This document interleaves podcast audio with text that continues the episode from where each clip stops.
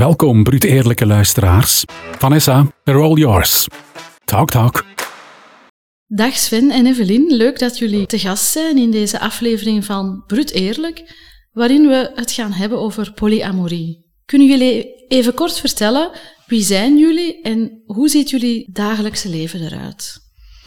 Uh, ik ben Evelien. Uh, in hoofdberoep ben ik uh, leerkracht thuisonderwijs. Um, in bijberoep heb ik een hypotherapiepraktijk, waarin ik ja, kinderen en jongeren vooral begeleid. Um, ja, en daarnaast heb ik een, een zeer leuke hobby. Um, doe ik aan burlesque dansen. Oh, ja. ja. waar ik Sven ook heb leren kennen. En ja, dus, dus een, heel, een heel druk leven, een heel vol leven. Ja. Maar wel met de nodige afwisseling. Ja. En, Oké, boeiend. Sven, mag ik dan ook in jouw richting kijken om een keer te horen hoe, hoe ziet jouw leven er momenteel zo wat uit? Voilà, ik ben Sven. Um, mijn, mijn hoofdactiviteit dagelijks uh, ja, is voor de overheid um, werken, we werken, we zullen het werken doen. We gaan ons even onthouden van alle mopjes uh, daar voilà. rondrent. um, uh, in een, in een shiftensysteem. Dus ik werk 24 uur en dan ben ik een aantal dagen thuis. Wat mm -hmm. mij toelaat om dus ook een aantal hobby's op te nemen. Um, dus in, in bijberoep werk ik nu eigenlijk als DJ en lichttechnicus. Mm -hmm. um, en geef ik dus ook burlesque, maar dan uh, voor mannen. Ja, oké. Super interessant. Ik ben kei nieuwsgierig. Ik ben nu zo al aan het denken, oké, daar wil ik straks meer over weten. Maar vandaag, nu gaan we het hebben over polyamorie. Hè? Dus dat polyamoreuze stuk, hoe beleven jullie dat? Hoe ziet dat er voor jullie uit? Kort gezegd is dat het, um, het kunnen beleven van je relationele leven, je romantische leven, uh, met meer dan één partner uh, op hetzelfde moment. Um, dus op zich uh, ja, is er daar voor ons heel veel vrijheid in. Vullen wij die relaties ook een beetje in naar, naar hoe dat die flowen en, en hoe dat die zich ontwikkelen. Ja, kun jij nog iets aanvullen? Ja, wij gaan eigenlijk gewoon uit van het principe, iedere mens is vrij om te kiezen en, en te doen en laten wat hij wil. En uh, zolang dat wij elkaar vertrouwen en dat wij dus voldoende kunnen blijven communiceren, is er voor ons eigenlijk geen enkel probleem om uw, uw andere relaties, uw vriendschapsrelaties, uh, of, dan, of om het dan niet te beperken tot alleen vriendschaps- uh, of familierelaties. Nou, familie gaan we natuurlijk even buiten Mhm. laten. Maar de vriendschapsrelaties kunnen, kunnen ook evolueren tot uh, amoureuze relaties of, of puur fysieke relaties. Ja. Dat is voor ons allemaal helemaal oké. Een belangrijk onderdeeltje vinden wij daar ook compersie, om het met een moeilijk woord te zeggen. Dat ga je me inderdaad moeten uitleggen. Voilà, heb ik, heb ik ook geleerd van Evelien natuurlijk. Um, maar compersie wil eigenlijk zeggen dat je blij wordt van je partner die een gelukkig is en aan het genieten is. Ja, en dat heeft dan niet specifiek met liefde of seksualiteit te maken, Nee. maar gewoon blij genieten van whatever wat. Maar Met ik alles. zie jou genieten en dat maakt mij blij. Ja. Je zegt, jullie hebben een liefdesrelatie samen en jullie geven aan, wij hebben de vrijheid om beide daarnaast mogelijk andere liefdesrelaties of andere seksuele relaties, naast andere vriendschapsrelaties, ook te ontwikkelen. Is daar voor jullie dan een soort zo main thing of, of soort eerste dominante relatie in en bijkomende relaties? Of zeg je nee, het is meer allemaal, want ik hoor jullie ook zeggen, het float een beetje zoals het gaat, maar er, er moet toch ergens een, een soort kern zijn. Is de kern dan jullie twee en daar kan, kunnen allerlei mooie relaties rond ontstaan? Of hoe, hoe mag ik dat begrijpen? Ja, op dit moment is dat wel. Um, Zien wij ons als een, een kern. Um, maar wij willen wel heel graag uitgaan van het equalitarian uh, principe. Uh, dus dat elke relatie rondom uh, ook, ook gelijkwaardig is, zeg maar. Dat hoeft niet uh, dezelfde relatie te zijn. Je hoeft niet met iedereen hetzelfde te Mhm. doen. Uh, als je met de ene een uitstapje met de kinderen maakt en je gaat zwemmen, hoef je dat niet met al je partners te doen, om daar een, um, een praktisch voorbeeld Mhm. uh, van te geven. Uh, maar ja, elke partner heeft wel ehm, hetzelfde in te brengen, zeg maar. Of, of kan, kan dezelfde stem hebben in, in het geheel. Ehm, het is ook een beetje wie dat je tegenkomt, uh, denk ik. Dus in, in een monogame relatie ook. Uh, je kunt momenten hebben dat je single bent omdat je niemand uh, tegenkomt die op dat moment matcht met je. Mm -hmm. dus in, in de poly zit dat ook wel een, een, stukje in. Je moet ook wel mensen tegenkomen die, die matchen, die, uh, waar je een relatie mee wilt aangaan. Ja. Ik kan me wel voorstellen, ik weet het niet, hè, verbeter mij als mijn voorstelling fout is, maar dat je gewoon soms iemand tegenkomt dat je zegt, oh, dat vind ik wel een leuke persoon, daar voel ik vriendschap voor. En dat je dan misschien nadien iemand tegenkomt, dat vind ik wel een leuke persoon, daar kan ik ook een liefdesband mee hebben. Iemand anders, die vind ik leuk, daar kan ik seks mee hebben en van genieten, maar daar zie ik mij geen liefdesband mee uitbouwen. En dan zijn dat wel wat andere banden allemaal ja, natuurlijk. Maar dat zijn ook dingen die perfect kunnen evolueren. Mm -hmm. ja, we kunnen niemand tegenkomen waar dat wij maanden, jaren gewoon vriendschappelijk mee omgaan. En op een gegeven moment dat daar toch ergens een, een, een bepaalde chemie ontstaat, of, of eigenlijk al was dat we genegeerd hebben. En dan kan dat gerust evolueren in een iets fysiekere relatie, richting seksueel en zelfs zelfs amoreus eigenlijk. Maar het kan ook de andere kant uitgaan. Dus we kunnen eigenlijk ook perfect mensen die we graag zien en waar dat we een fysieke relatie mee hebben, kunnen wij evengoed ja, downgraden, om het dan zo te noemen. Wat misschien niet downgraden is, maar een andere, ja, andere evolueren, band. Ja. evolueren naar gewoon vriendschappelijk. Dus dat het, het, fysieke en het seksuele aspect daartussen uitgelaten wordt. Ja. En dat, dat ja, wat Evelien zei, hè, dat float, dat, dat kan rustig zijn, zijn weg gaan. En in de ene moment, ja, het is niet omdat je elkaar graag ziet, dat je op dat moment ook past in mekaars leven. Mm -hmm. uh, uw agenda moet over, overeenkomen. Ja, allemaal leuk en wel, leuk en aardig dat je een, een, een seksuele relatie kunt uitbouwen met iemand. Of wilt uitbouwen met iemand. Maar als uw twee agenda's niet matchen, ja, dan gaat het niet.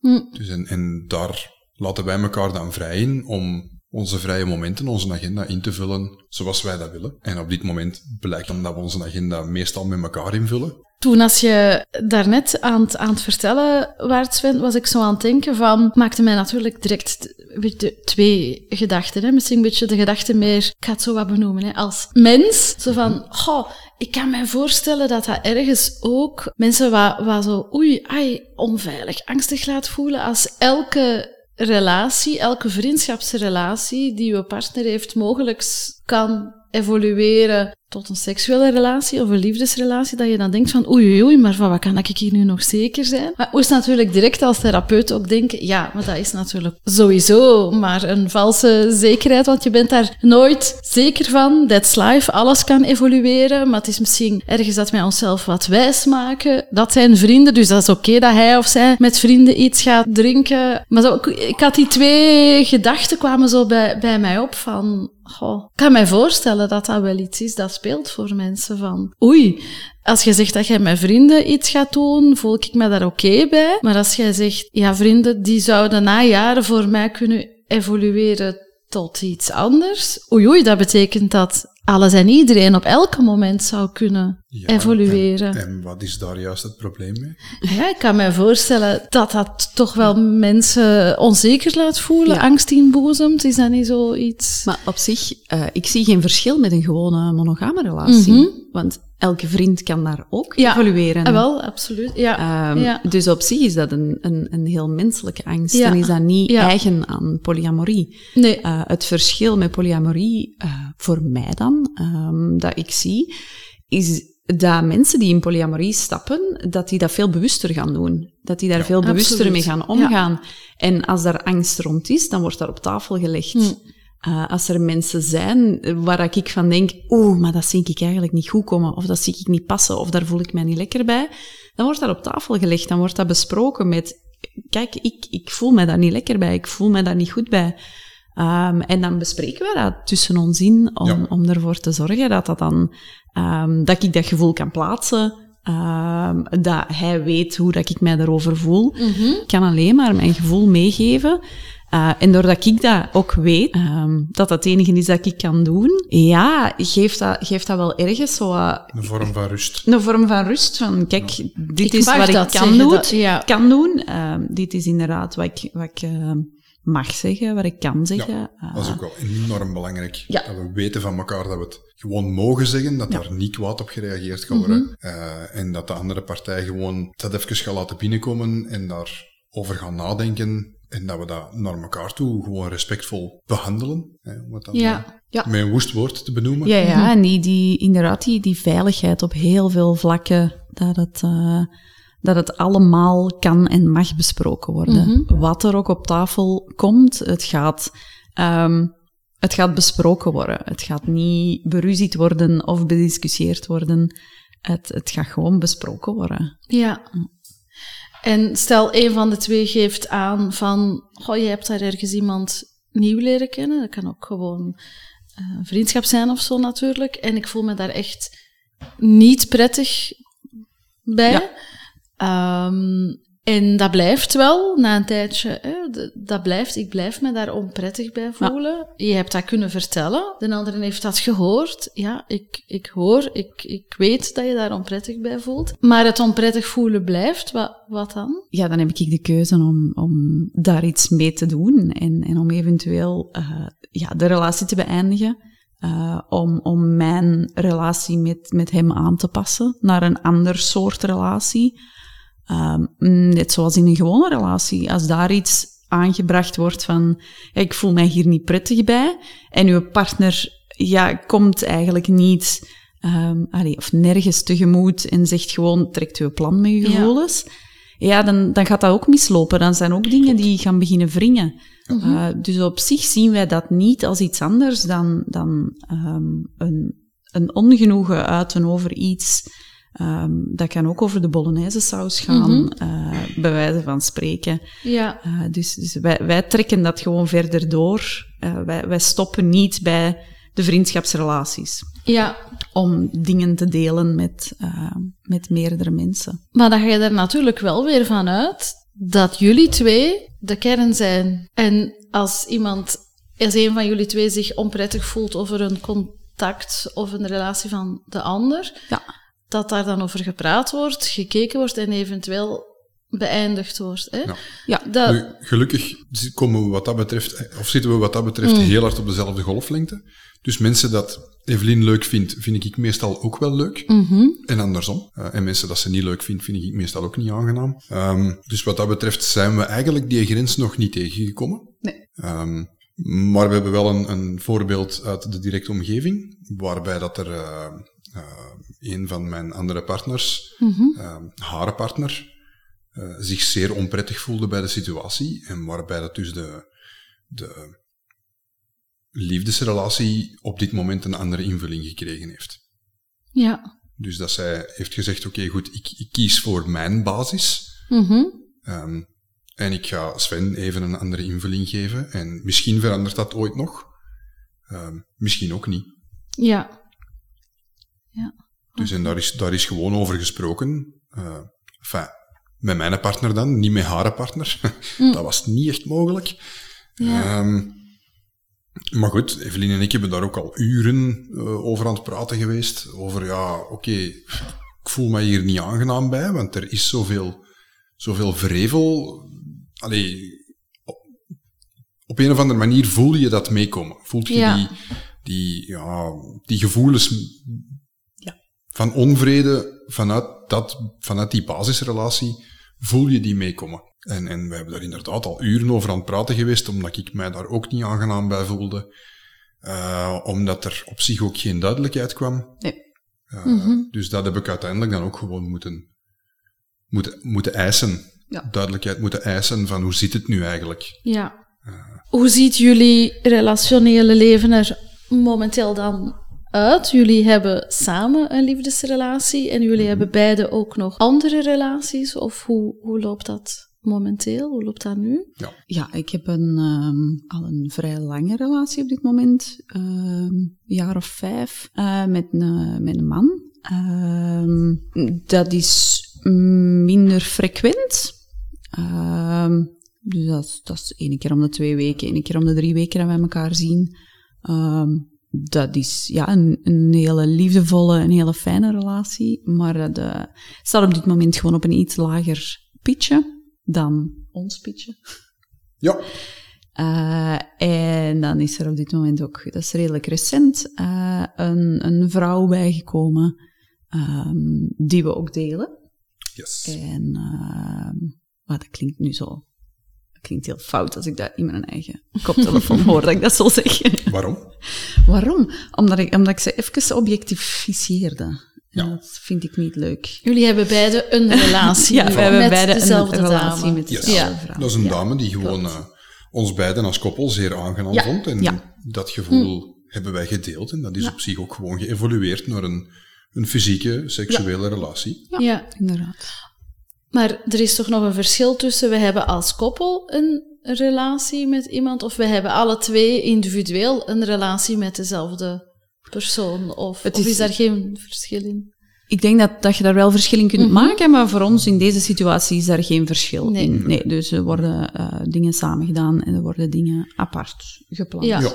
Ja. En Ja. op zich moedigen wij elkaar ook gewoon aan. Zegt, het is wel lang geleden dat je nog eens met een deel hebt afgesproken. Ah ja, dat is waar. Ja, ja. Dat is waar. Dat is die compersie dan, waar we het Ja. over hadden. Want wij willen ook helemaal niet dat, dat we uniek voor elkaar gaan, gaan kiezen. Wij willen gewoon dat, Ja. dat, eh, dat alle verschillende relaties, in welke vorm dan ook, rondom ons, dat die gewoon blijven bestaan. Mhm.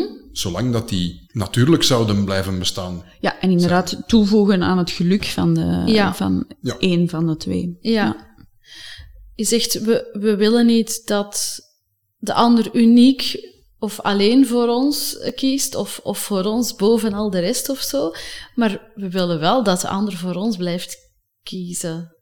Ja, uiteraard. Allee, of voor Ja, mij. ja, ja. Ja, Ja, en dat, ja. dat merk je vooral door, door de hoeveelheid tijd dat je met elkaar Mhm. doorbrengt. Hè. ja. Dus, dus wij merken eh, eigenlijk toch al wel een aantal maanden eh, dat wij gewoon zo goed als elke vrije moment in onze agenda aan het kijken zijn. Hoe, hoe kunnen we dat samenleggen? Hoe kunnen we dat samenpassen? Eh, waar slaap jij vanavond? Waar slaap ik vanavond? Eten wij samen? Dus wij, wij, wij zijn gewoon heel vaak bij elkaar, omdat we heel graag bij elkaar zijn. Ja. Ehm, wat dat maakt dat andere relaties misschien, zo, misschien op een lager pitje komen. Ja. Als je zegt dat ja, om de twee, drie weken is een keer, ja, dan is er heel veel tijd tussen natuurlijk. Dus dat is heel veel tijd dat ik dan kan opvullen. Ja. Vind ik zeer leuk. Ehm, maar dan moeten we er inderdaad wel een beetje op waken dat, dat, eh, dat die, die relatie om de twee, drie weken, dat die wel blijft bestaan. ja. Ja, dat, dat je gaat vermijden dat er dingen doodbloeien doordat wij nu ja, eigenlijk aan het investeren zijn in elkaar. Ehm, ja, een beetje, je kunt het vergelijken met, goed, je gaat een nieuwe relatie aan en, en je laat je vrienden nu aan de kant omdat je die nieuwe relatie aangaat. Ja, je vrienden gaan dat ook niet prettig vinden. Mhm. En als je na een half jaar denkt, goh, deze was het toch niet helemaal, ja, dan zijn al je vrienden kwijt en moeten Ja. dat weer gaan, gaan opbouwen. Ehm, dus in dat, in dat principe proberen we wel die dingen die, die ons nauw aan het hart liggen en, en de mensen die wij graag zien, ehm, ja, toch wel te blijven, te blijven zien en te blijven afspreken. En, en ehm, te zorgen dat die eh, ja, nieuwe liefde-energie, zeg maar, ehm, ook mee doorstroomt naar de andere relaties. Ja. En die niet gaat, eh, niet gaat dwarsbomen. Ja, dat is mooi. Sven, heb jij buiten de gedeelde mevrouw, eh, we mochten dat zo niet noemen, hè? heb jij ehm, partner, ja. ja, nog andere relaties momenteel? Ja, op Ehm, dit moment niet. Ja, Enfin, geen, geen eh, amoureuze Ja. of, of geen seksuele relaties. Ja. Hè, aangezien dat, we dus, eh, dat er net één behendigd is. ja dat is Ehm, nog maar een recent verhaal ja, voor dat is een jou. zeer recent verhaal. Nu, aan zich, voor mij is dat helemaal oké hoor. Mhm. Maar dat uw volgende vraag ging zijn of dat ik het daar moeilijk mee heb dat Evelien dan wel nog eh, relaties Dat heeft. moet niet in Het antwoord is evenwicht nee, zijn. dat hoeft Nee, helemaal dat niet in evenwicht te nee. zijn. Wij zijn gelijkwaardig, maar gelijkwaardig is niet gelijk aan gelijk. Mhm. Dus als, als Evelien daar de tijd en, en de mentale capaciteit voor heeft, en de ruimte in haar hart om meerdere partners mee te pakken, ja, sure, be my guest, doe je ding. En Mm. Ja. dan zal ik daar ook gewoon mee blijven achterstaan. Wat is zo de grootste onzin die jullie over polyamorie al gehoord hebben? Eh, dat het een uitvlucht is om met heel veel mensen in bed te kunnen duiken. Ja, dat, Ja, dat is niet waar, hè. Eh, er zijn, zijn heel wat mensen die denken dat wij echt eh, een, onze portefeuille opentrekken en daar dan iemand uitkiezen om de avond mee door te brengen. Uh, het, gaat, het gaat veel, veel breder dan dat. Het gaat veel verder dan dat. Um, wij willen echt liefdesrelaties uitbouwen mm -hmm. naast elkaar. Maar daarnaast ook wel wat gaan ontdekken van, ja, ook, hoe kunnen daar, hè, hoeveel flexibiliteit zit daarop? Hoeveel um, kunnen daarmee mee, mee spelen? En, en waar eindigt een vriendschap en begint een liefdesrelatie of begint een romantische relatie? Um, ja, kun je vriendschappen verdiepen, bijvoorbeeld door, door toch seksueel te zijn met je vrienden. Uh, die dingen allemaal uh, vind ik ook wel heel leuk om, om te gaan ontdekken en mm -hmm. om te gaan kijken. Hoe voel ik mij daar nu bij en, en wat doet dat met mij? Nog onzin of zeg je dat is de enige onzin? Wat, wat zijn dan zaken? komen we eigenlijk aan, aan de maatschappelijke normen en waarden. Hè? Als, als, als een man meerdere vrouwen heeft, dan is het een held. En als een vrouw meerdere mannen heeft, ja, dan wordt daar een andere naam aan gegeven. Mm -hmm. Ja, dat is zever, hè? Ja. Waarom zou een vrouw zichzelf niet mogen, niet mogen zijn? Waarom zou een vrouw zichzelf niet mogen ontwikkelen of gaan ontdekken mm -hmm. door, door meerdere partners te hebben? Dat... Uh, dat vind ik eigenlijk een beetje de grootste onzin dat daar ja. rond, rond ontstaan is. Ja. Uh, mm-hmm. uiteindelijk, uiteindelijk zijn we allemaal mensen. We zijn allemaal aan het streven al jaren naar gelijkheid. Het feminisme en, en een hashtag MeToo en noem maar op. En, en dat zijn dingen die jammer genoeg nodig waren om, om, uh, ja, om, om het maatschappijbeeld toch een klein beetje te veranderen. Um, en, en ik denk dat we ondertussen toch wel stilletjes aan zouden moeten klaar zijn om, om het hele, de man is een dominante idee te, te laten varen. Uh, iedereen is gewoon gelijkwaardig. Of je nu man of vrouw zijt, of, of u een van de andere, ik denk 176 genders dat er zijn. Uh, mm. Hoe dat je je eigen ook voelt. Wees eens gewoon vrij om je eigen uh, te beleven en te ontwikkelen en te ontdekken zoals dat jij dat wilt. Ja, gewoon in de puurste vorm uzelf mogen zijn. Ja, Ja. zelf mogen ontdekken. Ja. En, en datgene wat je hebt ontdekt dat je leuk vindt, mogen Ja. beleven. En stel dat je dat dan nog kan delen met iemand dat je heel graag ziet, dan, dan zijn we echt wel Ja. Ja. met schone dingen bezig. En je bent ook nooit alleen in je gevoelens. Hè. Er is altijd wel iemand die hetzelfde idee heeft als jij. Je moet, je moet die persoon gewoon tegenkomen. Ehm, dus in dat opzicht zijn wij zeer, zeer gelukkig dat wij elkaar daarin gevonden hebben. Ja, Ehm, maar ja, goed. Voor hetzelfde geld kom je die natuurlijk heel je leven niet tegen. wat en wanneer is dat eigenlijk bij jullie ontstaan? Wat waren zo de eerste, ja, hoe noem je dat, gewaarwordingen, nieuwsgierige vragen, gevoelens met betrekking tot eh, polyamorie? Hoe, hoe is dat pad gelopen? Evelien, mag ik dat misschien eerst aan jou vragen? Ja. Hoe, hoe heb jij dat ontdekt? Dat jij je wel polyamoreus voelt? Hoe is dat wat gegaan? Ja, ik denk dat ehm, een jaar of vijf geleden begonnen is eh, met mijn scheiding eh, Mhm. met mijn ex-man. Ehm, en dan eigenlijk helemaal terug opnieuw op zoek moeten gaan naar, goed, wie ben ik nu zonder deze man naast mij? Ja. Ehm, was niet zo'n goede relatie, waardoor ik mezelf ook wel echt helemaal kwijt was. Ehm, mm, maar heeft er ook wel voor gezorgd dat ik op een, een, een blank canvas terug ben kunnen beginnen met Ja. mezelf opbouwen. En ehm, echt ben kunnen gaan zoeken naar, goed, wie ben ik, wat wil ik zijn, waar wil ik naartoe, wat voel ik. Is een, een, een heel stevig traject geweest. Maar als ik daar nu op terugkijk, zou, ik- zou ik het ook echt niet, niet anders gedaan willen hebben. Ehm, als ik nog verder terug ga kijken naar mezelf, eh, dan zijn er altijd wel al tekenen geweest. Ehm, ja, ik heb geen ene, geen ene relatie eh, monogaam kunnen uitzitten, zeg maar. Eh, er zijn altijd dingen gebeurd. ehm, verliefd worden op iemand anders. eh, toch ergens een, een avond waar het misloopt.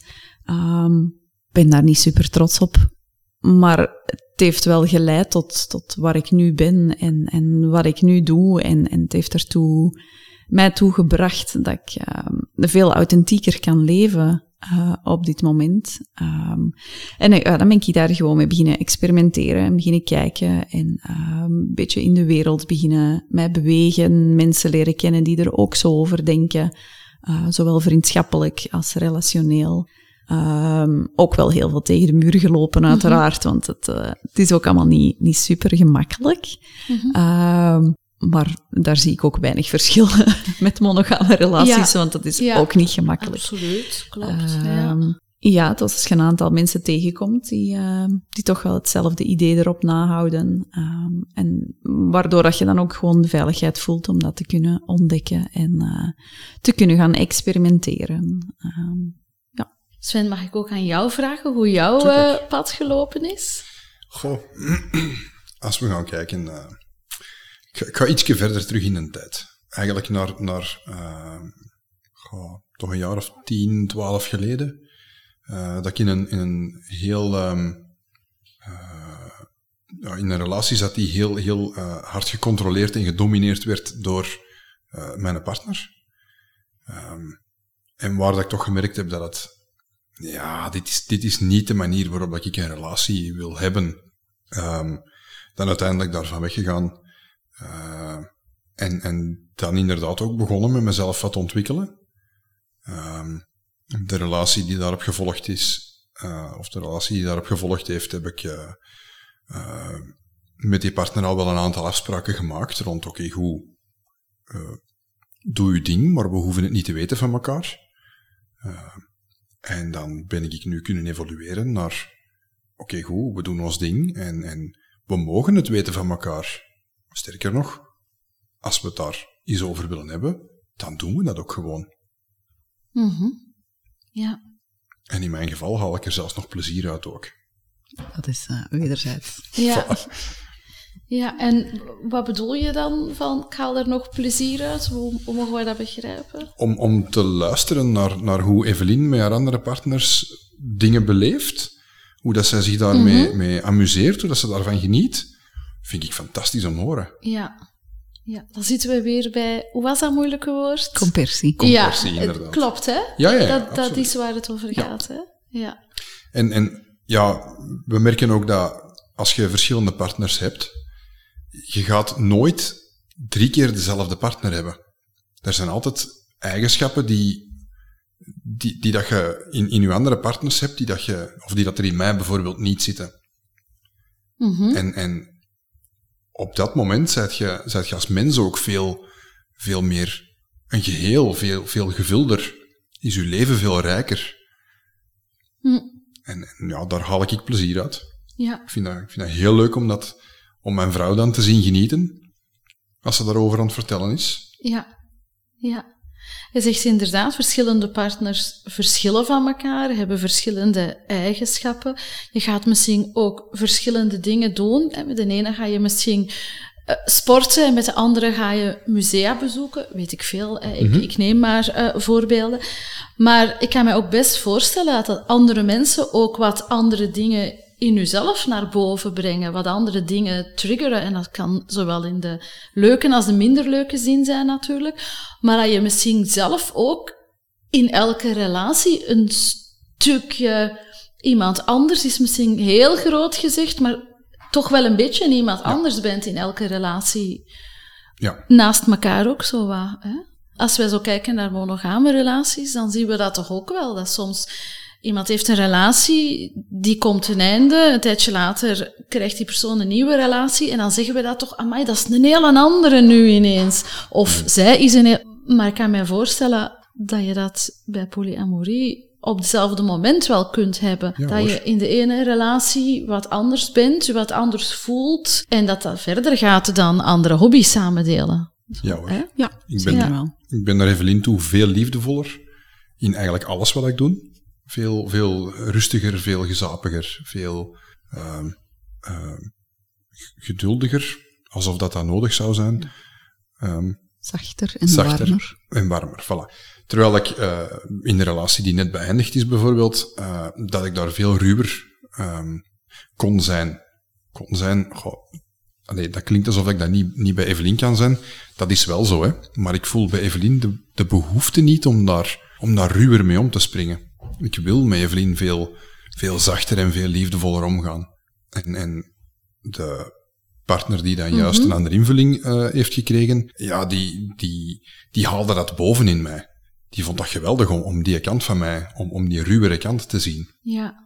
En eigenlijk wel fijn, denk ik, dat je dan die beide kanten kan zijn, kan Ja. beleven daar waar, waar ze het leuk vinden. Ja, en inderdaad ook, hè, de, de perfecte partner bestaat niet. Er gaan altijd dingen zijn die je ergens mist of die je graag zou willen. ehm, en, en wij hoeven die druk niet bij onze, bij ene partner te leggen, zal ik zo Ja. zeggen.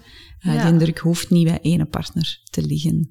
Ehm, wij kunnen gewoon ja, op zoek gaan naar iemand die dat aanvult. Evelien, jij vertelde in mijn eerdere relaties die ik dan toen als monogaam benoemde, Ja. hè, ehm, zijn ook altijd wel wat dingen links en rechts gebeurd. Dan heb je je scheiding gehad, ben je opnieuw je jezelf moet gaan zoeken en dan heb je dat polystukje ontdekt, of laten we zeggen wel als dusdanig benoemd. Op welke manier voel jij je nu anders dan voordat je jezelf, mogen we dat ook geout of zo noemen? Dat Of- mag, eh, ja. Ehm, hoe, hoe voelt dat nu anders? Want als we, ja, als we even ja, brut eerlijk zijn, hè, toen waren die gevoelens er ook, gebeurden er ook een aantal dingen. Alleen was het toen wat in the dark, achter de rug. En nu, hè, beetje hetzelfde gebeurt het ook, maar is het niet meer achter de rug, is het in die open. Hè? Op welke manier voel jij je daardoor anders? Oh, je voelt je veel eh, gewenster in, in, je, eh, in jezelf. Ehm je zelfvertrouwen wordt ook veel groter, want het, het, het hoeft niet meer stiekem.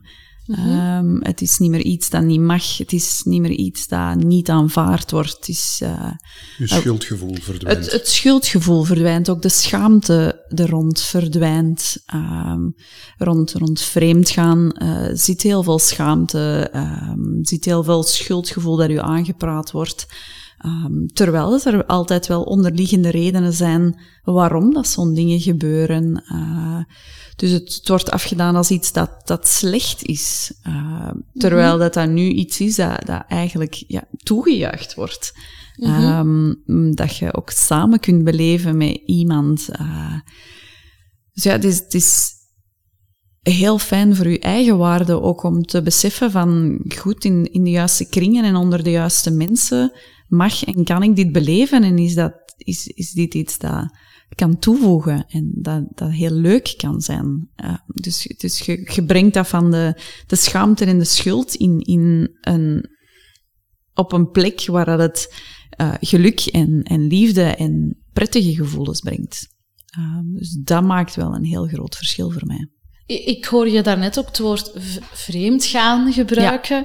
Ehm, ik probeer het, als ik eh, in de praktijkgesprekken heb, een beetje altijd te verwoorden als een koppel heeft een aantal afspraken en blijkbaar is daar iets gebeurd wat buiten de afspraken Ja. van dat koppel vallen. Absoluut. Hè? En als we het dan zo een beetje gaan bekijken, dan zit hè, want soms vreemdgaan of affaire of, of hè, bedriegen, ehm, zitten we inderdaad wat in negatieve connotaties Ja. zo allemaal. Tegenover, ja, uiteraard, als je afspraken maakt en je verbreekt die afspraak, dat is ook niet oké natuurlijk. Maar dat brengt toch wel een beetje een ander licht eh, Ja. erop. En dat geeft toch ook wel wat perspectief van elk koppel kan eigenlijk de afspraken maken die zij willen. En het is eigenlijk allemaal oké als zij die afspraken maken. En dan zo komen we natuurlijk wel op het stukje van andere dan de monogame relatievorm. Hè? Het maakt niet uit wat, als het jullie afspraken zijn en, en, en ze werken voor jullie beiden. Want ook, en ik denk,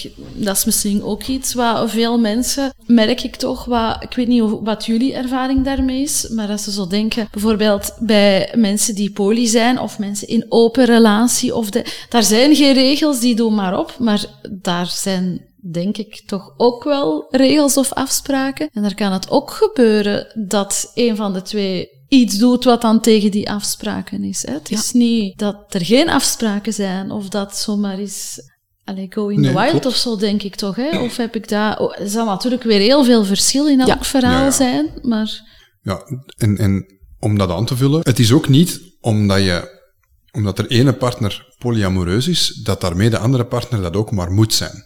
Inderdaad, als je daar netjes afspraken tussen kunt maken, kun je perfect ene monogame partner hebben, of ene partner hebben die zich alleen tot, tot ene partner wendt, en een andere partner dat die meerdere relaties kan onderhouden. Maar dat hangt inderdaad af van uw afspraken. En het, het belangrijkste daaronder is, is gewoon open kunnen communiceren naar elkaar toe. En, en uh, ja, als we dan gaan kijken, niet kwaad worden omdat uw partner iets zegt dat u niet aanstaat. Als, als Evelien iets zegt dat mij niet aanstaat, dan moet ik twee minuten slikken en, en even wachten en dat laten bekoelen en dan objectief gaan bekijken. Oké, goed, wat, wat wilt ze hier nu mee bereiken? En, en ja, meestal als ze zo'n gesprekken aan, of als wij zo'n gesprekken met elkaar aangaan, is dat omdat wij ons leven wensen te verrijken. Is dat omdat wij vinden dat dat ons leven, dat dat een meerwaarde is in ons leven. En ja, dan komt weer die compersie boven. Ja, goed. Oké, dan, dan gun ik jou dat ook. Maar het is heel belangrijk dat je daar niet op een, op een, ja, dat je open kunt blijven communiceren en dat je daar niet op een negatieve manier naartoe kijkt. Maar, en dat, het- dat vertrouwen er ook gewoon is dat uw partner het beste voor heeft met u. Ja, Maar het beste, ja, goh, daarin kunnen misschien ook weer verschillen van mening natuurlijk. Hè. Ik kan misschien Uiteraard. vinden, Ja. dat is eigenlijk niet goed voor u, maar als jij dat op die moment wel leuk en goed vindt, dan... eh, tuurlijk. En dan zullen wij elkaar daarin gewoon ondersteunen. Totdat oftewel ene partner ongelijk krijgt, of een partner gelijk krijgt. Hm. En dan gaan we dat ook gewoon rustig uitpraten en kijken hoe, hoe kunnen we hier op een, op een propere manier uit deze situatie geraken, of hoe kunnen we op een propere manier deze situatie implementeren in onze huidige situatie. Zodanig dat dat niet alleen een meerwaarde is voor, voor ene partner, maar ook voor ons beiden. Want dat is misschien ook een belangrijke. Het, het is niet omdat Evelien meerdere relaties heeft en dat dat een meerwaarde is in haar leven. Ja, dat is eigenlijk ook een meerwaarde in onze relatie. Want wij kunnen gewoon vrijer met elkaar omgaan, juist omdat die partners daar zijn, juist omdat Evelien een, ander, een andere kant van zichzelf kan bovenhalen bij die andere partners. En, en ikzelf ook natuurlijk. En, en juist omdat we daar eh, al onze eh, mankementen kunnen aanvullen, eh, of, of onze andere noden kunnen aanvullen, juist daarom kunnen wij naar elkaar toe zo leuk en zo liefdevol blijven gaan. En zo open kunnen blijven communiceren. Gewoon omdat, dat, omdat we elkaar altijd aanvullen en om, om- omdat alle relaties die we met andere partners exclusief dan hebben, hè, Ja. Dat die ook onze relatie aanvullen. Want wij zijn voller, wij zijn rustiger eigenlijk ook. Ja, gelukkiger. Ja, en gelukkiger. En dat, dat straalt door in onze relatie naar elkaar toe. Je zegt, ik geloof dat je het woord eh, mankement gebruikt, dus van goh, iets wat ik mankeer in onze relatie, kan dan door Mhm. een andere relatie opgevuld worden. Zou het ook kunnen, mijn partner heeft een bepaalde wens, behoefte, waar ik niet of niet zo makkelijk aan kan voldoen. En dat zet mij wel wat onder druk. En doordat hij of zij dat eigenlijk uit een andere relatie kan halen, valt die een druk voor mij weg. En, Absoluut. En heb je weer meer zelfvertrouwen, Ja. zijn je weer al gelukkiger. En als je zelf gelukkiger bent, kun je ook zorgen dat je iemand anders gelukkiger maakt. En zijn wij samen weer al gelukkiger. Dus eigenlijk komt het er een beetje op neer. Er zijn gewoon meer, samen, meer mensen in een groepje of zo, die samen ieders behoeftes gaan... Hè, waar dat ze vroeger zeiden, it takes a village to Ja, raise a kid. Ja, Ja, hebben, hebben mensen eigenlijk gewoon ook veel meer sociale contacten nodig. En, en in vele verschillende vormen om, om zichzelf heel te voelen. En er is ergens maatschappelijk beslist dat een monogame relatie daar dan De norm ja, is. de norm is. Dat, Ja. dat dat beter zou zijn. Ehm, en Ja. en ik, ik denk dat de verschillende relatievormen gewoon terug eh, meer naast elkaar mogen bestaan. Mhm. Ehm, Heb je niet de indruk dat we daar wel wat, misschien, dat heeft allemaal zijn tijd nodig, maar daar, dat, we, dat, we, dat we daar wel wat naartoe aan het evolueren zijn? er is in ieder geval veel meer eh, animo over en Ja. ehm, er wordt veel meer rond gedaan. Ehm, gevoeld onder mensen dat het nog altijd wel een beetje ehm, met een scheef oog bekeken wordt. En dat, ja, dat de essentie soms wat verloren gaat in mensen hun, hun hoofd. Maar op zich denk ik wel dat we de goede richting aan het uitgaan zijn. Ja. Ja. Als je kijkt, mijn zoon van 15 had nog geen relatie gehad, maar op het moment dat ik, of dat er dus ineens een tweede, een tweede partner bij kwam, had hij dat er enorm moeilijk mee. Die wist niet wat er gebeurde. Die heeft dat moeten verwerken, ondanks dat hij, dat, dat die eigenlijk ja, nog, nog aan het opgroeien is en dat die, dat die nog aan het, hè, als spons aan het fungeren is. Uh, ja, zit dat er maatschappelijk toch al zodanig in dat je ene partner, monogame relatie, dat moet. Ja, en dan hoop ik dat wij toch een klein beetje kunnen aantonen dat dat niet moet. Maar dat hij een keuze heeft. Hè. Hij mag daarvoor kiezen natuurlijk, maar hij mag ook voor iets anders kiezen, voor een andere vorm. Ja. ja, net zoals dat wij ondertussen gemerkt hebben dat wij eigenlijk best wel, als we dat echt zouden willen, op dit moment monogaam zouden kunnen zijn, maar dat we daar gewoon voor kiezen om dat niet te doen, precies omdat we hè, onze, onze andere relaties niet willen weggooien, om ze dan binnen een half jaar, een jaar, twee jaar, wanneer dat we daar terug meer ruimte voor hebben, terug te moeten gaan zoeken en te moeten opbouwen. Dat willen we niet. Dus kiezen wij ervoor om poly te blijven. Ja, inderdaad de, de voordelen ook wel mee te pikken. Ja, inderdaad. Ja. Nu, ik hoorde jullie daarnet ook vertellen, en het is al regelmatig teruggekomen van, ja, als we iets voelen, we bespreken dat. Um, dat is niet altijd makkelijk, maar we zeggen dat. Soms is het ook niet makkelijk om iets te horen. Dan moet ik twee, was het twee minuten slikken of... Ja, ja. Ik weet niet meer hoeveel Even minuten. kalmeren, ja, ja. Um, Afhankelijk van. Ja, voilà.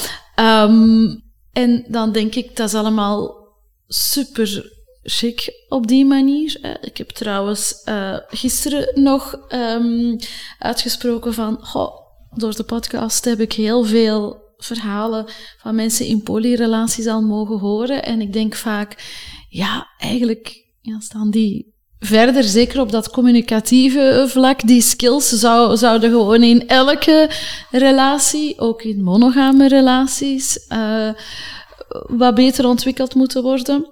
Maar toch, het kan niet altijd vlot lopen natuurlijk. We zijn, denk ik, toch ook nog altijd mensen. En hoezeer we ook geoefend en getraind zijn in communiceren en benoemen wat we voelen. En hoezeer we ook de andere het beste wensen en het hmm. beste met elkaar voor hebben. Soms denk ik, is het toch ook eens... Um... Wij doen elkaar pijn, hè? Ja. Of, of er gaan momenten... Eh, ja, er zijn al momenten geweest dat we elkaar hebben pijn gedaan, natuurlijk. Mm Tuurlijk. Maar, maar een wonde geneest ook terug.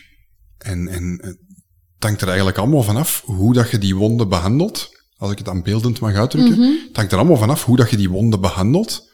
Hè, hoe dat die ook geneest. Als jij die wonde deftig verzorgt en, en, en uh, daar een schone plakkerken op, op doet, uh, dan, dan kan die mooi genezen.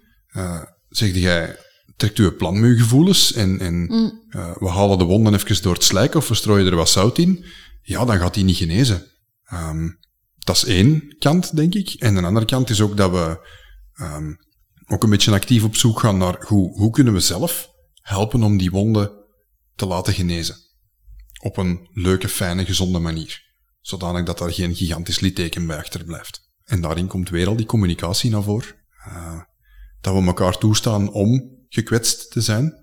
Um, en dat we daarin ook gaan zoeken in onszelf naar, oké, goed, wat hebben wij nu nodig? Wat heb ik nu nodig om die wonden deftig te kunnen verzorgen?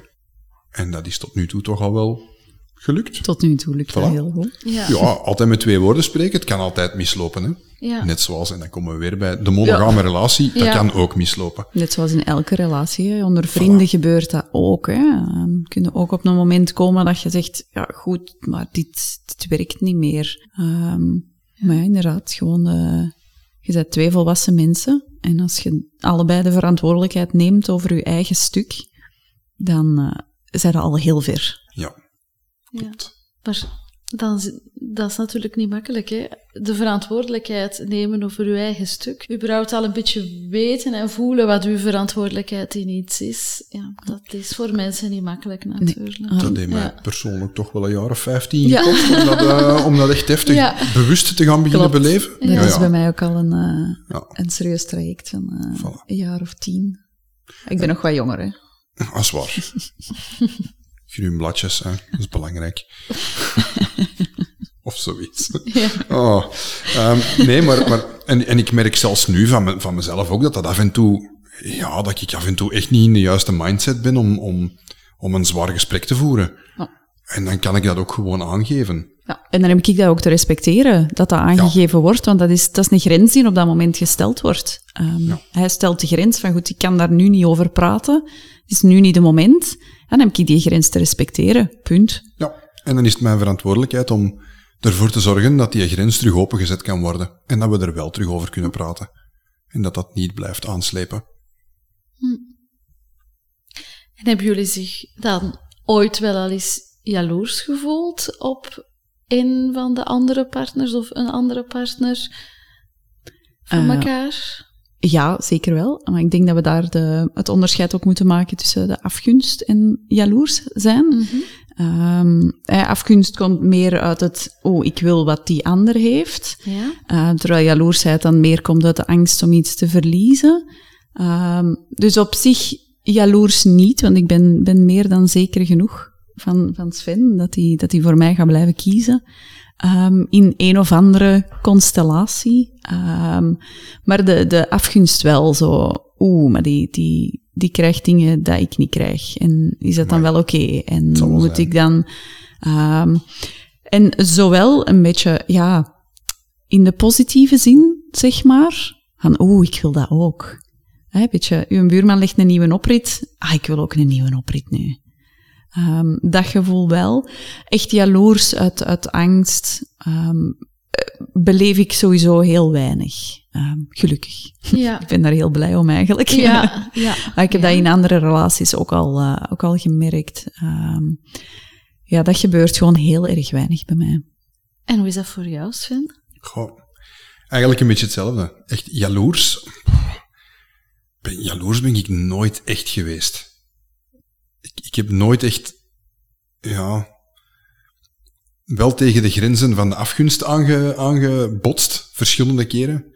Een verhaaltje van toen dat ik 21 was, dat mijn beste vriendin in één keer met mijn lief begon te muilen. En dat ik daar stond, ja maar, ik wil meedoen. Ah nee, dat, dat gaan we niet doen, hè. Jij hebt gezegd dat je niet jaloers werd, dus muilen wij. Ja, maar ik wil meedoen. Voilà, dus dat was de eerste grens waar ik op botste. gisteren kreeg ik een berichtje van Evelien. Hè. Ik, was, ik was aan het werken gisteren en ik kreeg een berichtje van Evelien dat onze gedeelde partner eh, bij haar was. En dan denk ik, potverdomme. Ah, dat is niet... Dat is Je kon gemeen van geen, u. geen overuren, geen overuren of zo. Oh, dat is gaan. gemeen. Oh, stuur mij foto's, alstublieft. Dus ja, dat, dat is dan een, eh, een, een beetje FOMO. Hè? Ja, ja. Dat is een Ja. beetje FOMO. Maar, Ja. maar op zich wel, gaan we er wel positief mee om. En, en ik, ik, gun, ik gun Evelien dat even goed. Hè? Amuseer u. Veel plezier. Ik, Ja. ik ben toch aan het werken op dat moment, dus ik kan niet meedoen. En ik kan ook niet bij jou zijn die avond, dus waarom zou jij dan niks anders mogen gaan doen? Het zijn een gedeelde partner, het zijn vrienden, vriendinnen, het zijn, het zijn een, een exclusieve partner. Waarom zou ze niks mogen gaan doen? Ja. Doe je dingen, je hebt vrije tijd. Gebruik hem zo, of vul hem in zoals dat jij dat wil. Nu, dat is de gedeelde partner, maar wat met, ehm, je benoemt het als exclusieve Ja, partners? exclusief in die zin dat, dat we die niet delen. Ja. Dat die, En hoe gaan jullie daar dan mee om? Die kennen jullie dan ook echt niet? Die zien jullie nooit? Of zou dat wel kunnen, dat je daar wel vrienden zou- mee bent? Ja, dat zo? zou gerust kunnen. Ja, Ja. ja. ja, staan er wel voor open. Ja. Eigenlijk de, de partner, de vorige partner van Sven, die ken ik wel heel goed. Ja. Ehm, is, een, is een vriendin van mij. Ehm, dus ja, dat, dat kan zeker. Ja. Maar ik kan me voorstellen, als er dan iets gebeurt of verandert in jullie liefdesrelatie, zoals dat nu ook gebeurd is, Mhm. dat dat dan misschien ook wel een effect heeft op jouw vriendschapsrelatie met die dame. We proberen dat zoveel mogelijk erbuiten te houden, eh, omdat dat eigenlijk eh, geen invloed mag hebben op de relatie dat ik met haar heb. Ik mag, mag geen dingen die buiten, hè, want dat is, dat is uiteindelijk ook een vriendschapsrelatie, dus de dingen die dan buiten die relatie gebeuren, mag ik niet laten doorwegen in mijn gevoelens voor haar. Dat zijn dan hè, vriendschappelijke gevoelens. Ehm, maar uiteraard gebeurt dat. Hè. We, we zijn menselijk en, en dat is wel een, een awkward periode geweest. Mhm. Dat ik dacht van, ja, hoe, hoe, hoe moet ik hier nu mee om? Ehm, zij heeft het dan ook wel wat moeilijker mee over haar gevoelens te praten, dus het is, het is niet gemakkelijk open te breken, zeg maar. Ehm, Ja, maar het lijkt mij toch niet evident dat zij aan jou vertelt over misschien haar... Nee, dat, dat, is ook, Verdriet. dat is ook niet nodig. Ja, Hè? Maar, maar ja. we zouden het wel kunnen hebben over... Goed, we voelen nu dat er hier tussen ons wel iets zit dat niet uitgesproken kan worden. Hoe kunnen we daar voorbij geraken? En hoe kunnen we zorgen dat onze vriendschapsrelatie daar niet onder leidt? Ehm, dat zou voor mij helpend Ja, zijn, zeg maar. Ehm, maar op zich, dat, dat, dat stabiliseert zich ook wel weer, heb ik het gevoel. Ehm, Dat is ook wel weer oké. Sinds dat er ook echt gewoon duidelijkheid is, ehm, is het ook wel gewoon, ja, gaan we verder gelijk als dat we ervoor ehm, vrienden waren. Ja. Maar- Kan je daar dan best ook een vorm van afspraken over maken? Bijvoorbeeld, eh, als we dan even teruggaan naar het moment dat jullie wel nog een liefdesrelatie hadden, dat je bijvoorbeeld zegt van, over jouw relatie met mijn eh, partner moet je niet vertellen tegen mij in ons vriendschapsstuk? of, Dat kan of- zeker. Ja, dat kan zeker. Ja. Dat is een afspraak dat je kunt maken. Ja. Ja. ja. En dat valt dan ook weer voor elke relatie wat opnieuw te bekijken Inderdaad. en te evalueren. neem Ja, ik ik ben ervan overtuigd dat elke keer als je een nieuwe relatie aangaat, dat je een stuk moet praten over, goed, welke afspraken maken wij nu als eh, entiteitje, zeg maar. Ja. Ja. ja. En wat met, met, met kinderen? Eh, jullie hebben samen geen kinderen, heb ik Nee. begrepen. Hè? Maar jullie hebben wel ieder Ja. kinderen uit eerdere relaties. Hoe, hoe loopt dat dan? Hoe, zij zijn op de hoogte van jullie polyamoreuze leven? Of, ehm, Mijn oudste wel, hè. Ja. Eh, dus mijn, mijn puber van 15, die is daar Ja. wel Ja. Zo goed mogelijk van op de hoogte. Daar probeer ik ook zo open mogelijk mee te communiceren. Zodanig dat het niet in de, in de taboe-sfeer terechtkomt, maar dat die gewoon eh, daar ook deftig over kan praten. En een puber die deftig leert communiceren, dat kan ook nooit geen kwaad. Eh, maar mijn jongste, eh, goh, die vindt dat gewoon leuk dat ik meerdere vriendinnetjes heb. ja, Ja, daar, maar daar- ze, dus ze die- weet die is het daar- dan wel. Het is Ja. niet zo van dat Ja. je... Zo, soms mensen die zeggen, ja, dat is een onkel dit of tante dat die op bezoek komt, of dat is een, een goede vriend of zo. En daar een beetje een andere naam aan gegeven wordt. Ik heb dat tegen mijn kleinste nog niet uitgesproken. Je hebt het nog manier. niet expliciet Nee. verteld, inderdaad. Hè? Ehm, ik tegen mijn dochter ook niet. Dus mijn, mijn dochter weet wel dat ik een relatie heb met Sven. Ehm, maar ik, ik spreek eigenlijk niet af met mijn, ehm, met mijn andere contacten. Ehm, omdat daar ook nog niet, eh, nog niets tussen gezeten heeft dat dan een, een relatie zou kunnen worden zoals ik met Sven heb op dit moment. Ik vind, vind dat ik echt zeker moet zijn van een relatie. eh, in welke vorm dan ook, voor ik die aan mijn dochter eh, voorstel. Eh, er zijn ook al wel relaties geweest die dan na, na een jaar mislopen, die mijn dochter kennen, en dan is dat weer een afscheid voor mijn dochter. En dat vind ik niet oké. Dus ik, ik doe het niet om ervoor te zorgen dan, dat mijn dochter niet te veel afscheid moet nemen van mensen die in haar leven komen en die dan buiten haar wil om terug uit dat leven gaan. Ja. Uh, dus het is meer in die optiek dat ik mijn dochter daar niet in betrek. Um, moest ik nu echt een, een um, twee relaties naast elkaar hebben, zoals die met Sven, um, zou ik dat wel willen doen met mijn dochter. Uh, die is uiteindelijk ook nog maar tien, dus ik vind dat ook nog vrij jong. Um, die zijn daar ook zo nog niet mee bezig. Maar moest hij daar vragen over stellen, ga ik daar wel altijd eerlijk over zijn. Uh, en ga ik dat uitleggen. Ja, Ja. we gaan dat wel merken wanneer het er klaar Ja. voor is. Maar Ja. ik veronderstel dat ook. Voilà. En dan is het gewoon een kwestie van open te, open, een open communicatie te Ja. voeren. Hoe is dit alles voor jullie seksuele leven? Welk effect heeft polyamorie op jullie seksualiteitsbeleving? Wat, wat is er nu anders, of wat kan of wat mag er anders zijn dan voor het moment dat je je geout hebt? Of, of dat je hebt gezegd, ja, we kiezen nu voor een polyamoreuze relatie? Voor mij het, uh, het verschillende stukjes ontdekken van uzelf. Uh, mm -hmm. Hetgeen dat we ook wel al aangekaart hadden, maar dan op het emotionele vlak, trekt zich voor mij wel door naar het seksuele vlak. Mm -hmm. Dus je kunt, ja, elke, um, elk bubbeltje dat je maakt, uh, gaat andere dingen wakker maken in u of gaat andere dingen aanspreken. Uh, dat vind ik een hele leuke om, om te ontdekken en om te kijken van, oeh, wat gaat dit bubbeltje uh, nu weer doen met mij? Elke uh, seksuele connectie die je aangaat, um, mm -hmm. brengt andere dingen mee, brengt ontdekkingen mee, brengt, ja, leuke, leuke momenten met zich mee, die je dan misschien ook wel kunt doortrekken naar, naar andere relaties. Van, oeh, ik heb deze ontdekt, dat is kei leuk, gaan we dat ook eens proberen? Ja, ja. Um, ja. Wat dan ook wel kan zijn van, goh, ja, nee, deze is echt eigenlijk niks voor ons. Of je denkt, oh wauw, ja, waarom hebben we dat nog niet eerder gedaan? Ja. Um, dus het geeft wel wat, wat, wat, meer ruimte, wat meer ontdekkingstocht, wat meer... Uh... Maakt inderdaad dat je meer, meer, ja, meer van jezelf ontdekt. Meer ontdekt, oké, okay, dit, dit, vind ik leuk. Ah, bij een andere partner, ah, oké, okay, die, die doet dat anders. Maar dat vind ik ook wel leuk. Of dat vind ik juist helemaal niet leuk. En dan weten we inderdaad ook, oké, okay, goed. We weten nu wat we leuk vinden bij onszelf. En dan kunnen we op, dan, op die manier onze, onze relatie ook, ook een meerwaarde bieden. Van oké, okay, probeer deze eens. Ah ja, deze werkt. Oké, okay, kei tof. Ah, jij doet dat anders. Ah, dat is raar. Hm. Dat voelt toch anders. Oké, okay, goed. En op die manier leer je eigen weer beter kennen. Ja.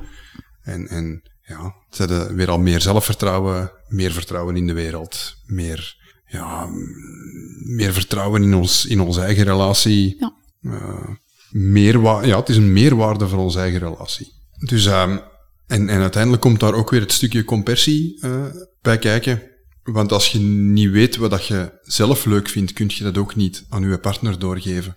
En kan die u weer niet zien genieten. Of toch niet op die manier zien genieten. Dus, dus wat dat betreft, ja. Op die manier is dat ook weer een meerwaarde. En wat met de omgeving? Hoe loopt dat bij jullie? Is, is jullie omgeving op de hoogte van de vorm van jullie relatie? Is die op de hoogte van het polystuk? Of... Ish. Ja, ook weer een beetje gelijk met de dochter. Dat is niet expliciet vermeld. Ik ga niet, ik ga niet elke week een update geven aan mijn mama um, hoeveel partners ik op dat moment heb, met wie ik allemaal uh, connectie maak. Um, die weten dat, dat ik daarmee bezig ben, mm -hmm. dat, ik, dat ik effectief uh, wel meerdere partners heb. Um, maar ik ga geen meerdere partners meebrengen naar een, naar een familiefeestje voorlopig. Uh, dat, ik denk niet dat ze daar klaar voor zijn. Uh, nee. Nee, mijn ouders zijn ook niet echt. Uh, ja, die generatie staat er precies minder voor open nog. Ja. Uh, dus mijn, mijn papa is wel, uh, of die is op de hoogte, maar die is zoiets van, goed, als jij maar gelukkig bent. kunnen we het over iets anders hebben? Ja, kunnen we het over iets anders hebben, alstublieft. ja, oké okay, papa, dat is goed. Ja. dus voilà, we gaan inderdaad niet, geen, geen wekelijkse updates geven, geen, zelfs geen maandelijkse, nee. zelfs geen jaarlijkse. Nee, maar het hoeven maar, niet updates te zijn, maar als in zij weten dat en zij aanvaarden dat. Allee, je kan iets weten en aanvaarden zonder dat je er vragen moet over stellen of zo ook. Ja. ja. Laat, laat, ons zeggen dat het getolereerd wordt. Ja. ja Aanvaard is misschien ook net een stap ja, verder. Ja, dat is inderdaad... ja. Het is het, geweten Ja, en, het is en, geweten en, het, wordt, het wordt gedoogd. Ja. Ik wou inderdaad zeggen dat, het, uh, uh, dat ze het wel moeten aanvaarden. Ja. Maar ik kan me voorstellen dat je... Ja, je komt toch mensen tegen. Als je, of tenzij dat je misschien buiten jullie twee met die andere partners enkel afspreekt binnenshuis, kom je wel mensen tegen. Of dat, dat kan toch, dat je mensen... Je gaat naar, naar een feestje met een andere partner en je komt je nicht daar ineens tegen of zo. Ja. Of, allee, ik zeg nog maar zoiets. Ja, ja, hè. Um, Vandaar, die mensen zijn op de hoogte, Ja. maar krijgen uiteraard geen updates. Dan, Als wij die toevallig tegenkomen en met, met die, een partner dat ze nog niet gezien hebben, dan uh, Ga je die is dan meest- voorstellen als partner? Of... Uh, ja, Ja. Dan, dan krijgen we eigenlijk meestal de vraag, ah, is dat de nieuwe? Eén van de, ja. Ja. Uh, Dit is... uh, ja. Maar het is niet dat je dan inderdaad zo u ineens afstandelijk op dat feestje gaat gedragen en die partner Nee. niet Nee. gaat aanraken om, Kom, nee, nee. om het niet te laten zien of zo. Nee, nee, niks nee. van. Dus op die manier kan het Ja, uiteraard. kan je wel gewoon... Ja. ja. We kunnen alleen maar het, het maatschappijbeeld veranderen door daar zelf mee open over te zijn. Hè? Ja, want als wij het terug in de schaamte gaan steken, ja. Ja. waar zijn we daar dan mee Ja. bezig? Onder ons vrienden daarentegen is het wel ehm, geweten, Geken- geweten en gekend en, en aanvaard. aanvaard. Ja. Ja. dat gaat veel gemakkelijker eigenlijk. Ja. Maar we hebben daar ook wel een hele fijne vriendenkring. Yes. En, en meer onze eigen generatie ook weer. Ja. Die dat daar ja, blijkbaar toch net iets meer voor open staat. Ja, Ehm, of, of hebben we nu gewoon toevallig een, een groep verzameld dat daar Goh, toevallig. meer voor open staat? Ja. Ik denk dat, ik denk dat een burlesque daar ook wel ehm, Ja. serieus wat mee Ja, ja, dat wel. helpt. Dat is uiteindelijk een hele open-minded groep mensen die elkaar ook wel heel goed leren kennen natuurlijk. Ehm, je gaat op een hele, ja, een hele andere manier met elkaar om, omdat je juist burlesque aan het dansen bent. Ehm, dus ja, die open-mindedness moet er wel zijn voordat je daar mee verder gaat en, en iets mee doet. En wat vinden jullie het moeilijkste aan polyamorie? We hebben het over heel veel voordelen, en, maar er, zal toch ook, er zullen ook wel moeilijkheden zijn? Of, of is dat Open niet zo? communicatie. Open communicatie blijven voeren. Ah, is verschrikkelijk moeilijk. Zeker als u uw eigen gevoelens even in de weg zitten. Dat, is, dat is echt verschrikkelijk moeilijk. Daar, daar moet ik mezelf echt toe dwingen om, om dan... Oké, stop even. Eigenlijk als het ware, treed uit uzelf en, en probeer het eens van een andere kant te bekijken. Want het is wel belangrijk voor uw partner, anders zou die het niet aanbrengen. Mhm. Dus, dus ja, dat, dat, dat is verschrikkelijk moeilijk. Ja, zeker wel. Je hebt ook slecht, ah, je hebt goede en je hebt slechte dagen. Hè? Dus als je een slechte dag hebt, ja, dan, dan zijn we allemaal toch net iets minder aangenaam in omgang, net iets eh, toxischer eh, in ons gedachten. eh, en af en toe floept dat er dan ook uit. Ehm, dus en, en om, om dat dan te beseffen, ah, oké, goed, ik ben slechtgezind. Eh, oei, ik ben precies wel een beetje toxisch bezig vandaag. Oeh, oké. Dat, is, dat is eigenlijk heel, heel moeilijk. Ja. Om dat voor uzelf te beseffen. Oké, nu, ben ik, nu ben ik volledig in mijn negatieve spiraal bezig. Goed, ik moet daar terug uit. En, en het is niet voldoende van het te weten dat je erin zit. Nee, je moet ook weten hoe dat je eruit geraakt. En, en die constante zoektocht is, eh, ja, is heel moeilijk. Ja. Maar wel een zoektocht die ik aanraad voor iedereen. Amai, ja. kei interessante zoektocht. Ja, het zelfbewustzijn, het zelfinzicht is ook wel een hele belangrijke voordat je met deze relatievorm kunt beginnen. Als je jezelf niet kent, ja, vind ik eigenlijk dat je aan, aan geen enkele relatie mocht beginnen. Ja. Maar Ja. ja. dat je op zijn minst een, een, een stukje zelfinzicht moet hebben. En zelfbewustzijn en jezelf kennen. En weten wat je leuk vindt, weten wat dat je valkuilen zijn. Ehm, Nog andere tips die jullie zouden kunnen geven voor mensen? Is het een individuele persoon? Is het een koppel die nog geen ervaring hebben in, in polyamorie? Of om het even welke andere dan de monogame relatievorm? En die zeggen, ja, wij zijn nieuwsgierig. Wij willen, wij willen inderdaad een en ander gaan ontdekken. Maar we willen dit goed aanpakken. Wat zouden nog tips kunnen zijn? eh, eerst praten en dan doen. Mhm. als het al gebeurd is en het is toch niet wat dat je dacht dat het was, of het loopt toch ergens mis, eh, dan heb je met het praten op voorhand toch al een aantal dingen gecoverd die, eh, waar je aan kunt terug, teruggrijpen, Ja. zeg maar. Mhm. Ehm, ja, dat vind ik een hele belangrijke. Geen veto's stellen. Nee. Een veto zorgt er eigenlijk voor dat je ehm, de open communicatie gaat stoppen. Hè, Als je Mhm. gewoon zegt, oké, jij ziet- bent nu bezig met iemand anders en ik wil dat niet, want ik zie dat als een bedreiging. Je mag die vanaf nu niet meer zien. Ja, dan, dan, behalve dan het feit dat je je partner eigenlijk op dat moment keihard de kop indrukt en, en, en ja, gewoon tegen je partner zegt, jij mag niet jezelf zijn, ja, stopt je ook gewoon de communicatie. Want, want het, het is niet meer bespreekbaar. Die, ik wil niet meer dat je met die persoon omgaat. Dat is niet meer bespreekbaar. Ja, hoe, hoe kun je daar dan nog open over communiceren? Dus een veto, een veto is een absolute, absolute no-no. Dat- Vind ik wel een bijzondere, want dan moet ik zo denken van, inderdaad, wat, wat is natuurlijk het verschil, of dat ik denk zeer dunne grens tussen een veto stellen en aangeven, dit wil ik niet, eh, dit is mijn grens. Het Ja. verschil is waar het beslissingsrecht Ja. ligt. Mm. Als ik aangeef, ehm, ik vind dit niet prettig, Ja? dan blijft het beslissingsrecht over die relatie daar. En blijft mijn beslissingsrecht over het al dan niet verder zetten van de relatie bij mij. Ja. Mhm. En als je een veto gaat stellen, dan zet ik mijn beslissingsrecht daar. En dat vind ik niet oké. nee. En je schuift je verantwoordelijkheid. En je schuift de verantwoordelijkheid af. Want ik, heb, ik, ik moet niks doen met mijn gevoelens. Lossen jullie het maar op. En dat vind ik niet oké. Ik heb mijn stuk op te lossen en ik mag dat uiten, maar ik mag niet verwachten ehm, dat er dan maar gewoon op ingegaan wordt. Ja. Als, als, je, als je iets niet oké vindt, als je ergens niet oké mee bent, moet je jezelf eigenlijk gaan afvragen waarom dat je daar niet oké mee bent. En een van de, als je dan toch tips aan het vragen bent, een van de vragen dat je dan aan je partner kunt stellen is, waar, welk stukje van jou vult die aan dat je bij mij niet vindt? En dan daar ook open en positief tegenover staan. En gewoon ook aanvaarden dat er stukjes zijn die jij niet kan bieden, die je partner bij iemand anders wel vindt. En op die manier hopelijk ook de meerwaarde inzien van die andere partner. Ja, ik denk dat het stellen van een veto ook altijd vanuit een emotioneel standpunt komt. Ehm, het zal niet gemakkelijk vanuit een objectief en, en rationeel eh, plekje komen bij die andere persoon die zegt van ik stel hier nu mijn veto. Tenzij er natuurlijk dingen gebeuren die echt niet oké zijn. Eh, als er geweld in de relatie gebeurt of uh, zo'n dingen. Um, dan hoop ik dat, uh, dat mijn partner op dat moment wel zegt van oh, maar hier gaan we even mm. een stop ja. aanzetten. Um, maar op alle andere vlakken vind ik dat het beslissingsrecht moet blijven waar het hoort. Ja. Be true to yourself. Blijf jezelf. Blijf je, je eigen authentieke zelf. En als jij beslist voor je eigen Oké, goed, polygamie is niks voor mij, of polyamorie is niks voor mij. Oké, dat is jouw keuze, maar dat hoeft daarom niet de keuze van je partner te zijn. En je mag je partner daar perfect in respecteren. Als je dan zegt, oké, okay, goed, ik heb niet graag dat jij met andere mensen seks hebt. Ja, oké, waarom niet? Gaat dat dan puur over het bezitterige gedeelte? Het maatschappelijk aangeprate gedeelte? Gaat dat over, ja, ik wil eigenlijk graag vrij van ziektes blijven. Ik wil, ik wil niet dat mijn vruchtbaarheid aangetast wordt, bijvoorbeeld. Of, of gaat dat over nog iets anders? Dat, dat is een zeer belangrijk onderscheid dat je voor je eigen moet maken. Want als het, als het puur over die ziektes gaat, ja, dan gaat je gewoon, dan spreekt je af met elkaar dat je maandelijks naar een dokter gaat, maandelijks bloed laten trekken of een uitstrijkje of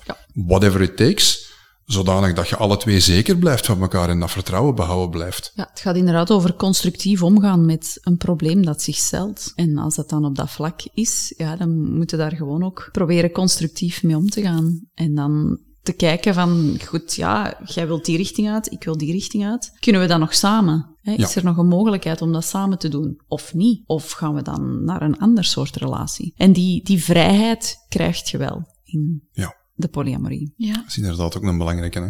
Dat je, hè, als, je, als je dan toch eigen, hè, authentiek blijft, dat je op een gegeven moment ook niet bang moet zijn om alleen te vallen. Want in mijn ogen, en ik denk in onze ogen, hè, dat ik voor ons twee mag spreken, is het beter om alleen te zijn dan om samen ongelukkig te zijn. Ja. Als je alleen bent, kun je jezelf gelukkig maken. Je moet alleen weten hoe. En dat is dat ja. stukje zelfkennis dat je moet hebben. En als je weet hoe dat je jezelf gelukkig kunt maken, kun je ook andere mensen gelukkig maken. Maar je moet alleen niet bang zijn om alleen te vallen. Dat is een van de dingen dat ik heel vaak rondom mij zie. Mm -hmm. uh, ja. In relaties, ah, het gaat niet goed. Ja, maar schat Lou, dit, dit, dat heb je vorig jaar al gezegd dat het niet En je zet er nog altijd mee samen. Ja, maar we werken eraan. Ja, maar het gaat niet goed. Waarom ben je nog samen? Ja, dat weet ik niet. Ja, als je daar geen antwoord op kunt geven, vandaar, wees niet bang om alleen te vallen. Beter om alleen te zijn dan om samen ongelukkig te zijn. Als je alleen bent, kun je verder gaan werken, verder gaan timmeren aan je weg naar je geluk. En als je samen ongelukkig bent, dan blokkeert je elkaar op de weg naar het geluk. Naar jezelf zijn. Mega filosofisch en spiritueel, ik weet het. Ja, dat is even... Uh, Waar zien jullie jezelf binnen pakweg vijf jaar? Stel dat je zo het ideale plaatje mag inkleuren. Hoe zou dat er dan uitzien als je dat vandaag zou mogen tekenen? ja, doe maar. Ja, Ladies first. samen, hopelijk. Ja, sowieso Ehm, samen. Ja, en, en zelfs nog meer samen. We Ja. zijn aan het kijken hoe dat we ehm, het praktische dan eigenlijk rond het samenwonen kunnen gaan invullen. Ehm, hoe dat we de twee gezinnen zouden kunnen samensmelten. Yes. Dus ik hoop daar binnen vijf jaar wel, eh, wel te zijn. En dat we gewoon onszelf en elkaar nog beter gaan leren kennen en dat het allemaal nog dieper en intenser mag worden. Met een grote speelkamer. voor de kinderen, hè, voor de kinderen. Dat is weer voor een andere aflevering. Ja. Ik heb hier ondertussen al eh, twee extra Wacht even. thema's to go. Hè? Nee, nee, nee, nee. Dat, is, dat is jouw invulling die je daaraan geeft, aan dat thema. Ah ja, oké. ja. Want een speelkamer, een ah ja, speelkamer nee, jouw voor mij... spe- is zo met locomotiefjes en... Nee, nee, nee, nee. nee. Nee, net niet. Net Zo degoutant wou ik eigenlijk niet doen. maar een speelkamer voor mij is, is een kamer die eigenlijk groot genoeg is om, om met drie, vier mensen Ja, eh, voldoende plaats te hebben. Desnoods gewoon een, een, een goede dikke matras op de grond. Eh, om gezellig samen met z'n vieren of meer afhankelijk van hoe dat we dat zien op dat moment, uh, of welk moment dat het is, uh, dat, we, dat we comfortabel onszelf kunnen zijn en, ons, en, En onze liefde kunnen beleven en onze Ja. tijd kunnen doorbrengen. Want dat is, dat is inderdaad iets stom praktisch waar we tegenaan lopen als we met drieën afspreken. Ja, een bed is gewoon niet groot genoeg voor met drieën in te slapen. Ja, Dat, dat, ja, dat is stom. En dan moet er altijd één iemand zo in een ander bed gaan slapen. En dan, ja, je wilt die het derde wiel niet, eh, niet het gevoel geven dat ze het derde wiel is. Ehm, dus ja, dat eh, vind ik een, een goede Ja. idee. ja, Wij starten altijd wel met drie, hè. En soms gaat dat goed. Ja. En kunnen wij effectief alle drie in de nacht in hetzelfde bed blijven liggen. Maar af en toe dan vroet er iemand en dan ja, Ja. wordt er iemand anders wakker en dan Ja, ja, gaat hij naar een andere kamer. ja, Ja, Ja. dat is wel jammer inderdaad. dat is jammer. ja. Enfin, jammer, goh, c'est comme ça, hè. Ja. Eh, dat, dat, dat is geen, geen onoverkomelijk ding. Maar het is wel een jammer dat je 's morgens wakker wordt en denkt, goh, wa- waar is nummer drie? Allee, Ja. waar, waar zit jij nu? Ja. Ah, je hebt niet goed geslapen, dat is wel jammer. ja. En, en dan komt die compressie weer boven. En dan, Ja, dat is misschien een volgend gat op de markt. Zo bedden en slaapkamers en dergelijke ontwerpen, die inderdaad de mogelijkheid eh, voor meer dan twee personen bieden om, om ja, te slapen, comfortabel te slapen. De, Daar de- we eens goed over moeten nadenken, Ja? toch? Kunnen we niet bouwen. moet, dat, moet, dat moet allemaal haalbaar zijn, denk ik. Hè? Ja, Moet kunnen. sfeerverlichting in die speelkamer dan. Ja. Hoe dat we dat gaan inrichten. Ja, dat mocht jij doen. Spiegels. Oh. Een schommel. Ja, voilà, laat En je dan gaan. komen we terug, dan komen we terug bij jouw er bij interpretatie. speelkamer, Oké, goed. Sven, Evelien, ongelooflijk dankjewel om jullie verhaal met ons te delen vandaag. Ik vond het enorm boeiend. Dankjewel daarvoor. Heel graag gedaan. Graag gedaan. Dit was de laatste aflevering van deze maand, waarin Vanessa het met een aantal gasten had over polyamorie. Volgende maand heeft ze het in een aantal afleveringen alweer over een geheel nieuw thema. Ik ben alvast benieuwd. Jij ook?